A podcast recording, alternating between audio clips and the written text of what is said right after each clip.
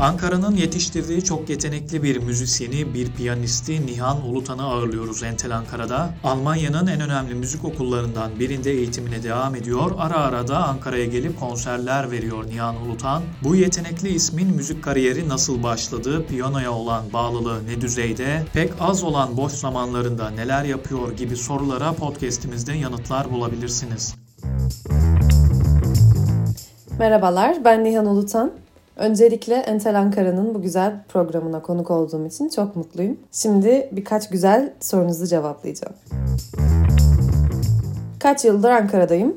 Doğma büyüme Ankaralıyım. 99 yılından beri tam 23 sene oldu. Ee, yaklaşık 3 senedir eğitimim için Almanya Düsseldorf'ta yaşıyorum. 2018 yılında Robert Schumann Müzik Yüksekokulu'nu kazandım. Ee, tabii oradayken Ankara'yı çok özlüyorum. Ee, tatillerde ve konserlerde yani konser vermek için de düzenli olarak geliyorum Ankara'ya. Sizi Ankara'ya bağlayan nedenler neler? Kısacası neden Ankara'dasınız? Bu bir seçim mi yoksa zorunluluk mu? Zorunluluklarımız zamanla alışkanlığa ve seçime ve seçimlerimiz de yine alışkanlığa ve zorunluluklara dönüşüyor bence. Aslına bakarsanız bence şehirler içinde insan olmadığı sürece bomboş ve anlamsız. Ee, başta ailem olmak üzere sevdiklerimin büyük çoğunluğu Ankara'da. Ee, böyle olunca başta bir mecburiyet olarak görünen Ankara'yı artılarıyla, eksileriyle sevmenin seçim mi yoksa zorunluluk mu olduğu onu pek sorgulamıyor insan. Ee, hele ki 3-4 nesildir Ankara'da kök salmış bir aileden geldiyseniz. Müziğe ve özellikle piyanoya olan yöneliminizi merak ediyoruz. Kardeşiniz de müzisyen bildiğimiz kadarıyla. Aile faktörü müziğe olan ilginizde ne kadar rol oynadı? Eğitim süreçleriniz nasıl ilerledi ve nasıl ilerlemeye devam ediyor? E, müzik kariyerinizde önemli mihenk taşları var mı? E, müzik hepimizin genetik yazılımının içinde az veya çok bir biçimde var. E, eline saç fırçası işte veya televizyon kumandası alıp şarkı söylemeyen e, dans etmeyen çocuk yoktur herhalde. E, ben de çok iyi hatırlıyorum 5 yaşlarında işte elime kumandayı alıp o dönemin 2000'lerin popüler şarkılarını söyler, dans ederdim. E, sanırım bazı insanlarda bu genetik yazılım biraz dost aşımına uğramış oluyor.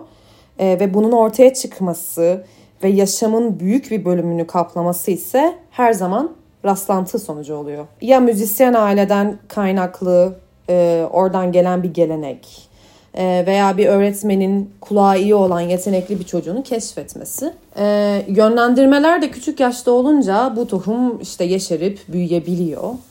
E, bu arada benim ailemde kardeşim dışında müzisyen yok. Ben de ailenin ilk müzisyeniyim yani. Şehirli, orta halli, memur bir ailenin çocuğuyum. Bu sınıflamaya dahil edebileceğimiz aileler bilinçli veya bilinçsiz bir şekilde işte çocuklarını spor veya sanat gibi uğraşlara yönlendiriyorlar. Ee, imkanları el verirse kurslara veya özel derslere götürüyorlar. Ee, tabii müziği bir yaşam biçimi ve bir meslek olarak algılayıp bunu hayata geçirmek için yeteneğin yanında sevgi, e, çaba ve cesaretinde belli dozlarda olması gerekiyor. Benim hikayem de tam olarak böyle. Ee, babamın iş yerinden arkadaşı e, amatör bir şekilde müzik eğitmenliği yapan sevgili Nurçin Ayaydın İlk piyano öğretmenim oldu benim. E, kendisi gerçekten pedagojik yaklaşımı üst düzey bir insan. Derslerimize devam ederken aileme bu çocukta piyanoya karşı ayrı bir sevgi, bir yetenek var. Yönlendirmemiz lazım demiş. E, tam da bu sırada tesadüfen e, Bilkent Müzik Okulu'nun imtihanları açılmıştı. Ve sanırım babam da boyumuzun ölçüsünü almak için bunu bir fırsat olarak gördü. E, bu okul son derece sıra dışı ve Türkiye'de standartın çok üstünde eğitim veren bir yerdi. Burayı burslu olarak kazandığımda artık e, kalan hayatımın akışının değişeceğini herhalde ailemde ben de birazcık sezinlemiş olduk. E, gerçi ben o yaşlarda işin ciddiyetinin pek de farkında değildim. E, kardeşim de sormuşsunuz. Nehir, o da konservatuarda keman eğitimi görüyor. Gerçi o ses çıkaran her şeyi çalacak yetenekte. Öyle donanmış. E, eskiden bu biraz beni sinir ediyordu ama artık çok hoşuma gidiyor.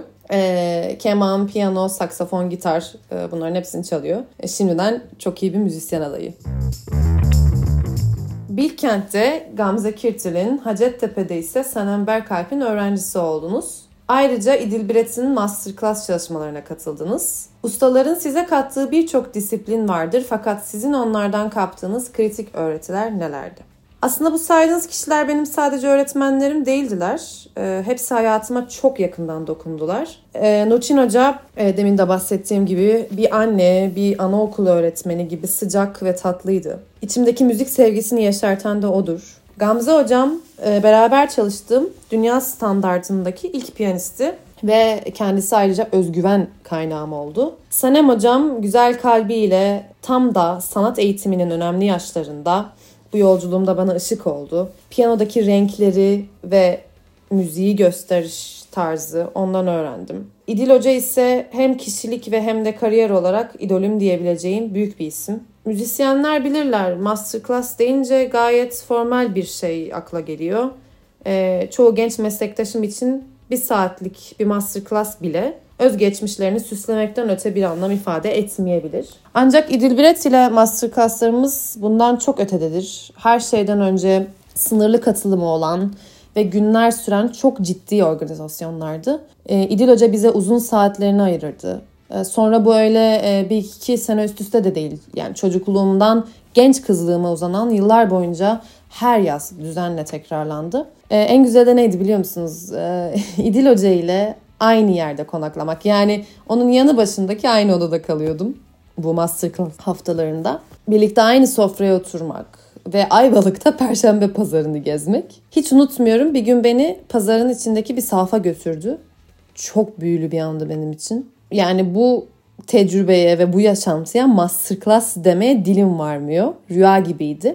Ee, tabii bize bu düşü gördüren e, Ayvalık Uluslararası Müzik Akademisi'ni kuran ve yöneten ve bizimle kendi öz çocukları gibi ilgilenen çok sevgili Filiz Ali'dir. Hepsini ama hepsini yürekten seviyorum.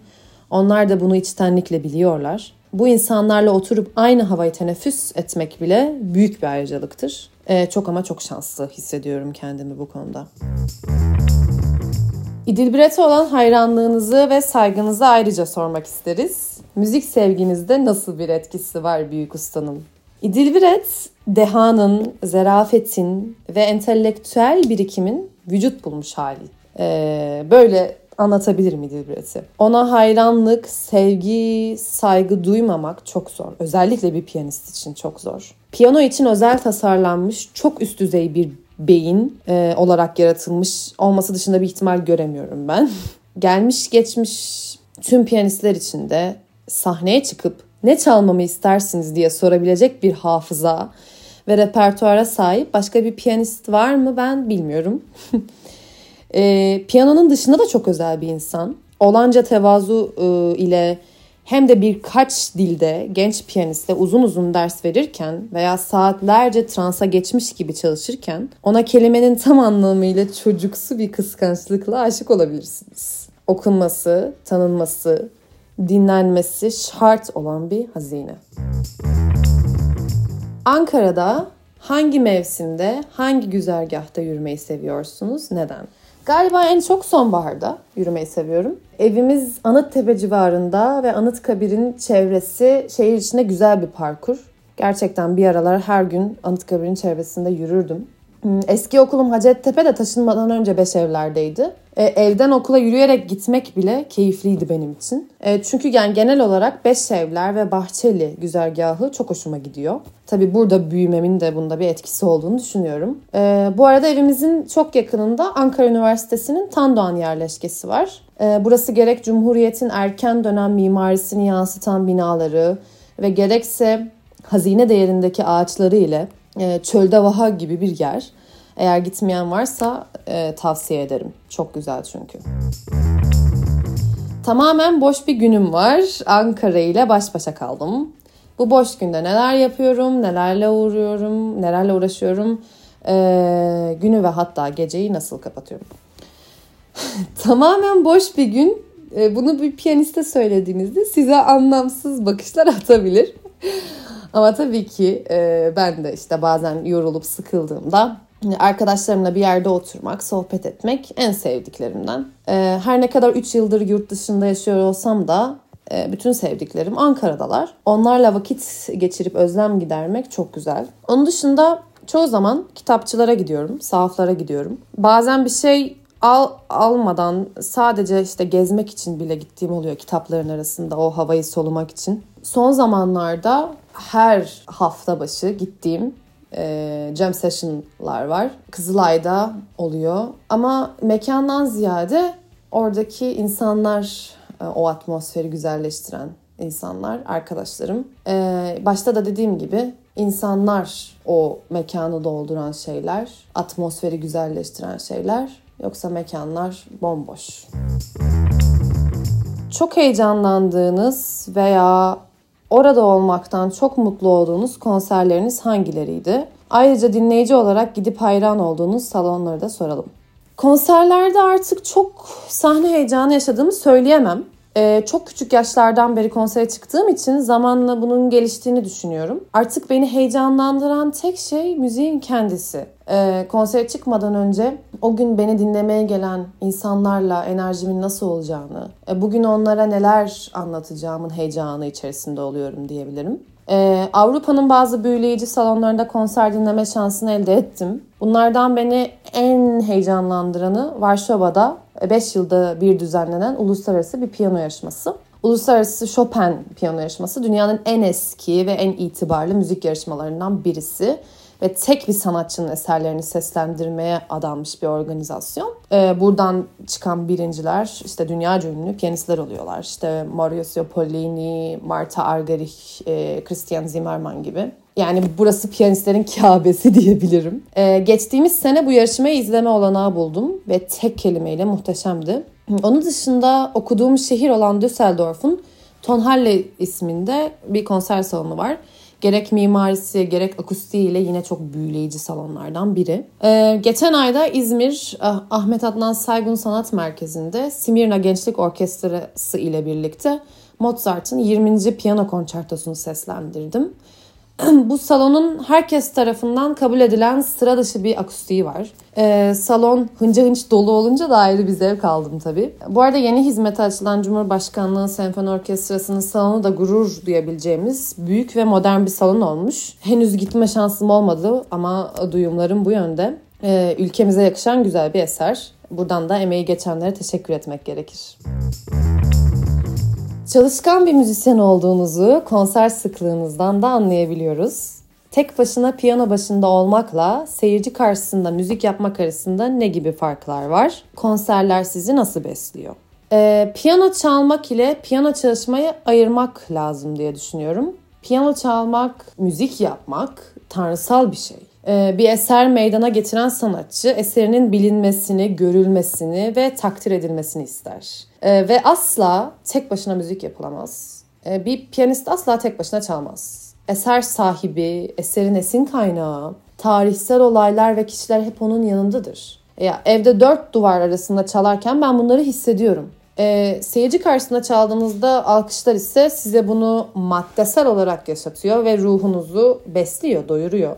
Bunun dışında eseri olabildiğince kusursuz icra etmek için de tekniğinizi geliştirmek e, üzere yapılan tekrarlar e, işte kas hafızasını geliştirmeye yarayan sporcuların antrenmanlarına benziyor fazlasıyla. Hiçbir fark yok. E, tabii eğer kafayı mükemmel tekniğe fazla takarsanız müzikten feragat etmiş oluyorsunuz bir yandan. E, bu da bir sanatçının isteyeceği son şey bile değil.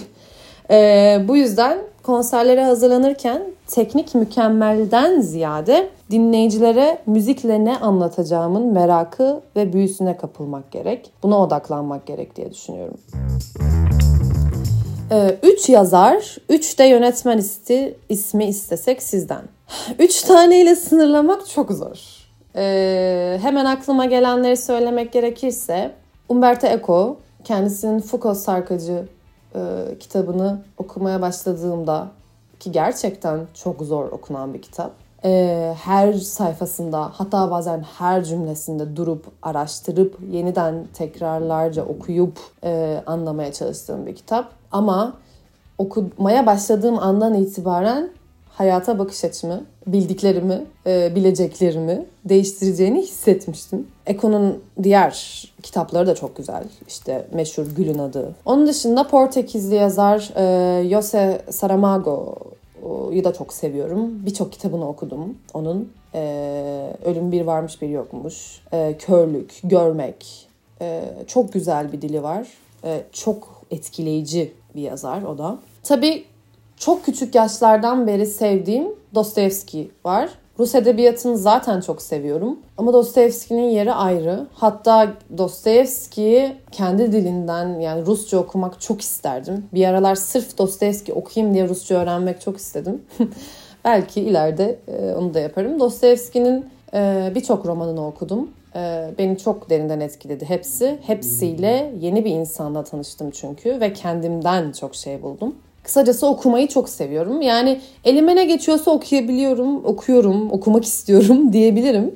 Ee, tabii her okuduğumuza inanmak ve kabul etmek ayrı bir olay ama her şeyi okumak ve her e, düşünceden ve yaşam tarzından etkilenmek ve ona göre kendi fikirlerinizi oluşturmak çok önemli diye düşünüyorum.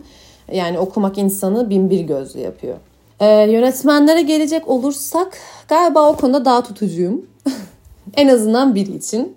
Ee, Coppola e, ve Godfather herhalde dünya üzerinde tek bir sinema eseri kalacak deseler tereddüt etmeden onu seçerim. Ee, ilk izlediğimde çok küçüktüm Godfather'ı. Pek bir şey anlamadım fakat ikinci izlediğimde çok derinden etkiledi beni. Gerek müzikleri, gerek mekanı, oyuncuları, konusu, e, tarihi dokusu her şeyiyle çok güzel bir eser. E, yani e, üç filmden oluşuyor seri. Ben en çok ikinci filmini seviyorum. E, o Robert De Niro'nun olduğu sahneler, işte geçmişe gidişi, Amerika'ya göç ediş sahneleri falan izleyenler bilecektir. Orada neredeyse o limon ve portakal kokusu e, gelir burnuma izlediğimde. E, hatta Almanya'daki odamda ee, Baya böyle işte Al Pacino'nun, Marlon Brando'nun posterleri falan asıllıydı bir ara. Öyle bir sevgim var. Ee, sonra başka Stanley Kubrick tabii ki de. Ee, tabii şimdi Kubrick'le başka bir boyuta gittik. Ee, Kubrick'in en sevdiğim özelliklerinden biri e, filmlerinin konusunun ve tarzının her zaman farklı olması. Yani her eserinde Kubrick farklı bir şeyler deniyor. Bu çok hoşuma gidiyor. Ee, ve e, Filmlerinde çok fazla detay var. En güzeli de bu detayları seyircinin gözüne sokmadan arka planda çok yumuşak bir şekilde veriyor. E, ve bunu ancak bir deha e, yapabilir diye düşünüyorum ben. O yüzden Kubrick'in yeri çok ayrı bende. E, biraz tarz değişikliği yapacak olursak e, iyi olur.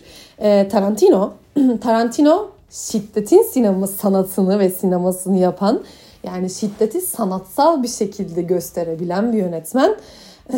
Onu da çok seviyorum. Keşke 3 ile sınır koymasaydınız. Çünkü şimdi aklıma iki tane daha geldi. Hemen onları da söyleyeyim. Ee, bir tanesi Hong Konglu yönetmen Wong Kar Wai. Onun Happy Together ve In the Mood for Love gerçekten çok bayıldığım iki eser.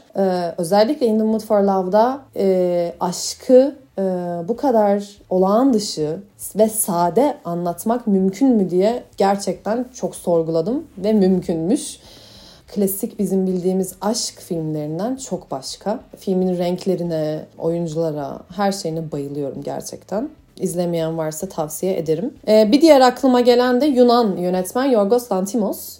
Art House dediğimiz işte sanat filmlerini yapıyor.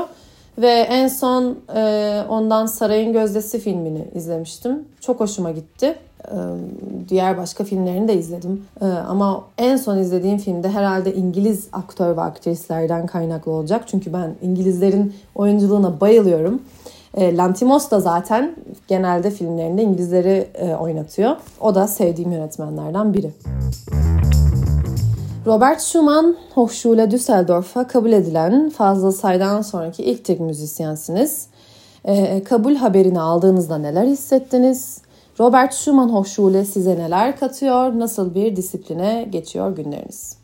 Öncelikle küçük bir düzeltme yapmak iyi olacak. E, müzisyen yerine piyanist olarak evet e, okulun uzun yıllardan sonra kabul ettiği Fazıl Say'dan sonraki ilk piyanistim. Yani piyano bölümü için konuşmam gerekiyor burada. Tabii ki gurur verici bir olay. Fazıl hocamız ile eğitim hayatımızda bazı paralel, paralellikler mevcut. E, sıralamaya da uyarsak Hacettepe ve sonra Robert Schumann. E, tamamen tesadüf eseri de olsa bizi yurt dışında gururla temsil eden çok başarılı bir müzisyenle bu küçük vesileyle de olsa birlikte anılmak çok hoş bir şey. Kabul haberi tabii ki beni göklere uçurmuştu. E, zira daha önce Viyana'da hak ettiğim halde kabul edilmemiştim. E, ve bunda Türk olmamın da etkisi olduğunu e, ve gencecik yaşıma rağmen iyiden iyiye hissederek büyük bir hayal kırıklığı yaşamıştım. Maalesef bana bunu açıkça hissettirdiler. E, ve bu tutucu bakış açısını Avrupa'nın diğer ülkelerinde de yaşamaktan korkar bir haldeyken e, başka saygın bir okula kabul edilmem hayata bakışımı kökünden değiştirdi. İyi bir piyanist ve müzisyen olmak için zaten çok katı bir öz disipline sahip olmanız gerekiyor. Yani aileniz ve eğitmenleriniz ve aslında tüm çevreniz e, bu ortamı oluşturma gayreti içerisinde ise işler zaten kendiliğinden yürüyor. E, bu okuldaki öğretmenim de Paolo Giacometti. Kendisi İtalyan asıllı fakat Hollanda'da büyümüş ve daha sonra da Almanya'da eğitim vermeye başlamış bir piyanist. Gerçekten çok iyi bir müzisyen. Kabul haberini aldıktan sonra kendisinin bütün kayıtlarını, bulabildiğim bütün kayıtlarını dinlemiştim. Yani ilk dinleyişte aşık oldum diyebilirim. E, piyanoda yarattığı renkler çok hoşuma gitti ve dedim ki evet ben e, Giacometti ile çalışabilirim. Kendisi bana nasıl çalışmam gerektiğini e, ve aslında bazen e, gözümde büyüttüğüm teknik problemlerin o kadar da büyük olmadığını, bunların çözülebilecek kolay yollarının olduğunu çok güzel pedagojik metotlarla gösterebilen biri. E, çünkü mesela sınıfta yaklaşık 15-16 kişiyiz ve hepimizin farklı artı ve eksileri var tabii ki. E, Giacometti bunları çok güzel görüp e, bizi ona göre yönlendiriyor. Hepimize göre ayrı bir yol izliyor yani. E, ve çok e, motivasyon oluyor bizlere ve bu da bir sanat eğitmencisinin sahip olması gereken en büyük özelliklerinden biri diye düşünüyorum. Piyano disipliniyle büyümek size neler kattı? Müzik eğitimi kişiliğinizi nasıl şekillendirdi? E, piyano eğitimi çok boyutlu bir eğitim.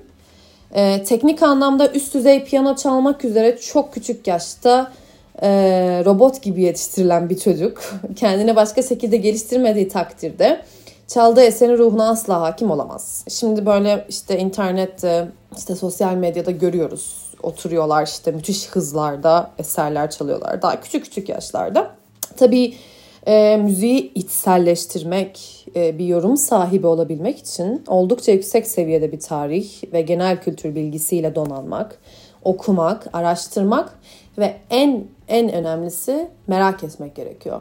Yani bunu her zaman dile getiriyorum. Merak etmek e, sadece bu, bu alanda değil, hayatın her alanında e, yaşadığınızı hissettiriyor sizi merak etmek. İşte ancak o zaman bir piyanist veya icracı olabiliyorsunuz bence. Bunun dışında e, zorlu ve yorucu geçen saatlerin fiziksel e, zorluğunu ise uyku, beslenme ve spor ile desteklemek zorundasınız. Bir bütün her şey. Ee, bu büyük bir iradeyi ve özveriyi gerektirdiğinden yıllar içinde buna da uygun bir kişilik geliştiriyorsunuz tabii ki. Yeri ayrı olan besteciler, bende yeri ayrı olan besteciler veya piyanistler var mı? e, besteciler hakkındaki ilgim dönem dönem değişiyor, gelişiyor. E, yaşım itibarıyla anlık bir resim çekmenin çok da doğru olmadığını düşünüyorum bu konuda. Ee, henüz aşkı yaşamamış 5-6 yaşındaki bir çocuktan Chopin'in romantik ezgilerine veya e, ailesinin koruyucu perdesi altında işte toplumsal olaylardan etkilenmeden büyüyen bir gençten e, Beethoven'ın kahramanlık veya yurtseverlik dolu notalarına ancak zaman içinde duyarlı olmasını bekleyebilirsiniz. Bu aralar e, yaşım ilerledikçe işte ruhumun da olgunlaştığını hissediyorum ve beğenilerim de tabii ki de farklılaşıyor. Örneğin şu sıralar ikinci Viyana ekolü ve içindeki 12 ton bestecilerine kafayı takmış durumdayım. Özellikle Alban Berg, e, onun armonisi çok hoşuma gidiyor. Mesela 5 yıl önce söyleseydiniz atonal müziğe bakış açım, işte bu ikinci Viyana e, ekolüne bakış açım tamamen farklıydı. E, ve demin de dediğim gibi ruhum olgunlaştıkça, kulağım e, olgunlaştıkça zevklerim de değişiyor. Piyanistlere gelirsek e, çok sayıda klasikleşmiş ve adını tarihe yazdırmış piyanist yanında genç ve yetenekli de birçok sanatçı var. E, birbirlerinden ayırmam gerçekten zor. İlla bir tane söylemem gerekirse e, galiba hiç değişmeyecek tek aşkım e, Horowitz. Hatta bir başka efsane piyanist Marta Argerich Horowitz için şöyle demiş. Piyanonun sahip olabileceği en güzel sevgili. Bu söz gerçekten Horowitz'i tam anlamıyla açıklıyor. Ee, yani Horowitz'in parmakları tuşla buluşunca benim kalbim ısınıyor, ee, gözlerim doluyor zaman zaman ve diyorum ki yani bir insan her şeyi bu kadar güzel ve kalpten çalabilir mi? Ve çalabiliyor Horowitz işte. Bu konuda bir de belki şunları söyleyebilirim. Eski dönemlerde çok küçük istisnalar dışında e, piyanist deyince akla her zaman erkek bir figür geliyordu. E, şimdi işte İdil Biret, Mart Argerich, demin de dediğim piyanist, Gülsin Onay e, gibi piyano tarihinde çok ama çok ayrı yerleri olan güçlü kadınlara da özel hayranlığımı gizleyecek değilim. Gerçekten onlar bu yolda bana ışık oluyorlar. Piyanoya başlamasaydım kesin şu enstrümana başlardım dediğim bir enstrüman var mı? Piyano ile benim aramdaki ilişki fazlasıyla aşk kokuyor. Ee, doğrusu bunun nedenlerini çok fazla düşünmedim. Ee, sanırım insan neden aşık olduğunu oturup uzun uzadıya düşünmüyor. Oluyor aşık. Ee, bir yanımı anlatayım. Bilkent Müzik Okulu'nu kazandığımda dönemin Bilkent'teki hocaları ve orkestra üyelerinden oluşan jüri babamı salona çağırmıştı. Kızınızı burslu olarak okulumuzda görmek istiyoruz ve enstrüman olarak da obua eğitim almasını istiyoruz demişlerdi. Babam da işte kızıma sorayım demiş tabii. Ee, bunun üzerine beni salona aldılar. Ee, bana bunu söylediklerinde babama dönüp obuanın nasıl bir şey olduğunu anlamak ister gibi baktım. Ee, sonra da piyano olmaz mı diye böyle gözlerimden boncuk boncuk yaşlar boşaldı. Ee, salonda yani bir anda ağlamaya başladım jürinin önünde. O, o zamanlar Vurmalı Sazlar e, grubunun başkanı değerli Aydın Mecit hocam o kadar üzüldü ki yanıma gelip beni teselli etmeye başladı. Ve beni salondan çıkarmak zorunda kaldılar. İşte ben gittikten sonra salondan babama okuldaki öğrencilerin en yenisi bile 2-3 yıldır eğitim alıyor. İşte hepsi seçkin çocuklar. Kızınızın hiçbir formasyonu yok. Piyanoya sıra dışı yeteneği olsa bile yetişmesi zor. Ama solfeji zaten hiç yok. Sene kaybeder, üzülürsünüz demişler. Ee, babam da işte hocam ben de okul hayatımda sene kaybettim. Ancak bunun bana çok ağır bir etkisi olmadı. Kızım enstrümanını çok seviyor. Sevgi olmadan da bu iş yürümez demiş. İyi ki de demiş çünkü okula kabul edildim. Ee, okula başlayınca doğrusu e, çok bocaladım. Evet yani öğret e, jüri e, haklıydı aslında. E, ilk dönem notlarım berbattı. Sonra sabahlara kadar babamla piyano çalıştık. Gerçekten sağ olsun kendisi yanımdan hiç eksik olmadı. E, bu arada babam hani müzisyen değil e, ama kulağı iyi. Gerçekten çok iyi. E, o konuda da şanslıyım yani. E, solfej için ise özel ders aldım. Ve ikinci döneme geldiğimizde diğer öğrencilere yetişmiştim. İşte insan ancak sevdiği için fedakarlık yapıyor ve aşkı için de daha fazlasını bence. Ee, ben müziği de diğer enstrümanları tabii ki çok seviyorum. Ama piyanoya aşığım. O yüzden sorunuzun cevabı yine piyano olurdu. Son zamanlarda etkileyici bulduğum dizi ve filmler hangileri? Neden etkiliyorlar? Takip ettiğim bir dizi yok şu aralar. Ee, bazen kafamı boşaltmak için Almanca ve İngilizcemi ilerletmek için zaman zaman işte e, bazı dizileri orijinal dillerinde izliyorum. Sinema tercihim ise tamamen klasikleşmiş kült veya başyapıt kabul edilen eserlere yönelik bu aralar. Sevdiğim filmleri bazen defalarca seyrediyorum. Demin de bahsettiğimiz Godfather mesela bunlardan biri. Çünkü her defasında ayrı bir detayı keşfetmek çok hoşuma gidiyor. Özellikle dönem filmleri e, tarihi olan ilgimle örtüştüğü için ayrıcalıklı bir yeri var. Dünya ve yakın Türkiye tarihiyle ilgili belgeselleri de çok seviyorum. Bazen YouTube'da çok güzel içeriklere de rastlıyorum. Aynı soruyu kitaplar için de soralım. Nedenleriyle birlikte sizde iz bırakan kitapları öğrenebilir miyiz? Bu soruya yine Dostoyevski diyeceğim. Çünkü Dostoyevski'nin neredeyse bütün romanlarını okudum. Gerçekten tarihin ilk böyle psikanaliz yapan, psikolog, e, psikiyatrist işte diyebileceğimiz yazarlarından biri bence. Çünkü her kitabında bir sürü karakter var tabii. Ve bu karakterleri e, Dostoyevski en ince ayrıntısına kadar anlatıyor. E, neredeyse artık kitap kitabın içine girmiş ve o karakterle canlı kanlı tanışmış gibi oluyorsunuz. Bu çok hoşuma gidiyor. Ve kendimden çok fazla şey buluyorum. Ve bence herkes okusa herkes böyle düşünecek. Aynı zamanda tarihsel olaylarını, o tarihsel dokuyu e, da hissedebiliyorum onunla beraber. Gerçekten romanın başından sonuna kadar ayrı bir dünyaya girmiş gibi oluyorum. O yüzden mesela kitap okuyan bir insanın asla yalnız olamayacağını düşünüyorum hayatta. Çünkü her kitapta yeni bir insanla tanışıyorsunuz. Yani kitaplar benim sosyalleştiğim dünyalar diyebilirim. Ee, dediğim gibi Dostoyevski de bana bunları en güzel yaşatan e, yazarlardan biri. Son olarak herkese sevgi gönderiyorum. Ee, bu güzel program için tekrardan Entel Ankara'ya çok teşekkür ediyorum. Ee, bu güzel şehrimizin e, güzel programlarından biri olmuş. Müzikle kalın, sanatla kalın. Hoşçakalın. Hem müzik hayatına hem de diğer kültür sanat birikimlerine dair güzel bir soru cevap gerçekleştirdik Nihan Ulutan'la birlikte. Kendisinin Ankara konserleri olacaktır muhakkak takip etmekte fayda var diyorum ve Entel Ankara'nın bu bölümünü de sonlandırıyorum. Haftaya bir başka konukla görüşmek dileğiyle Entel Ankara'yı Twitter'dan ve Instagram'dan takip etmeyi unutmayın. Kendinize çok iyi bakın.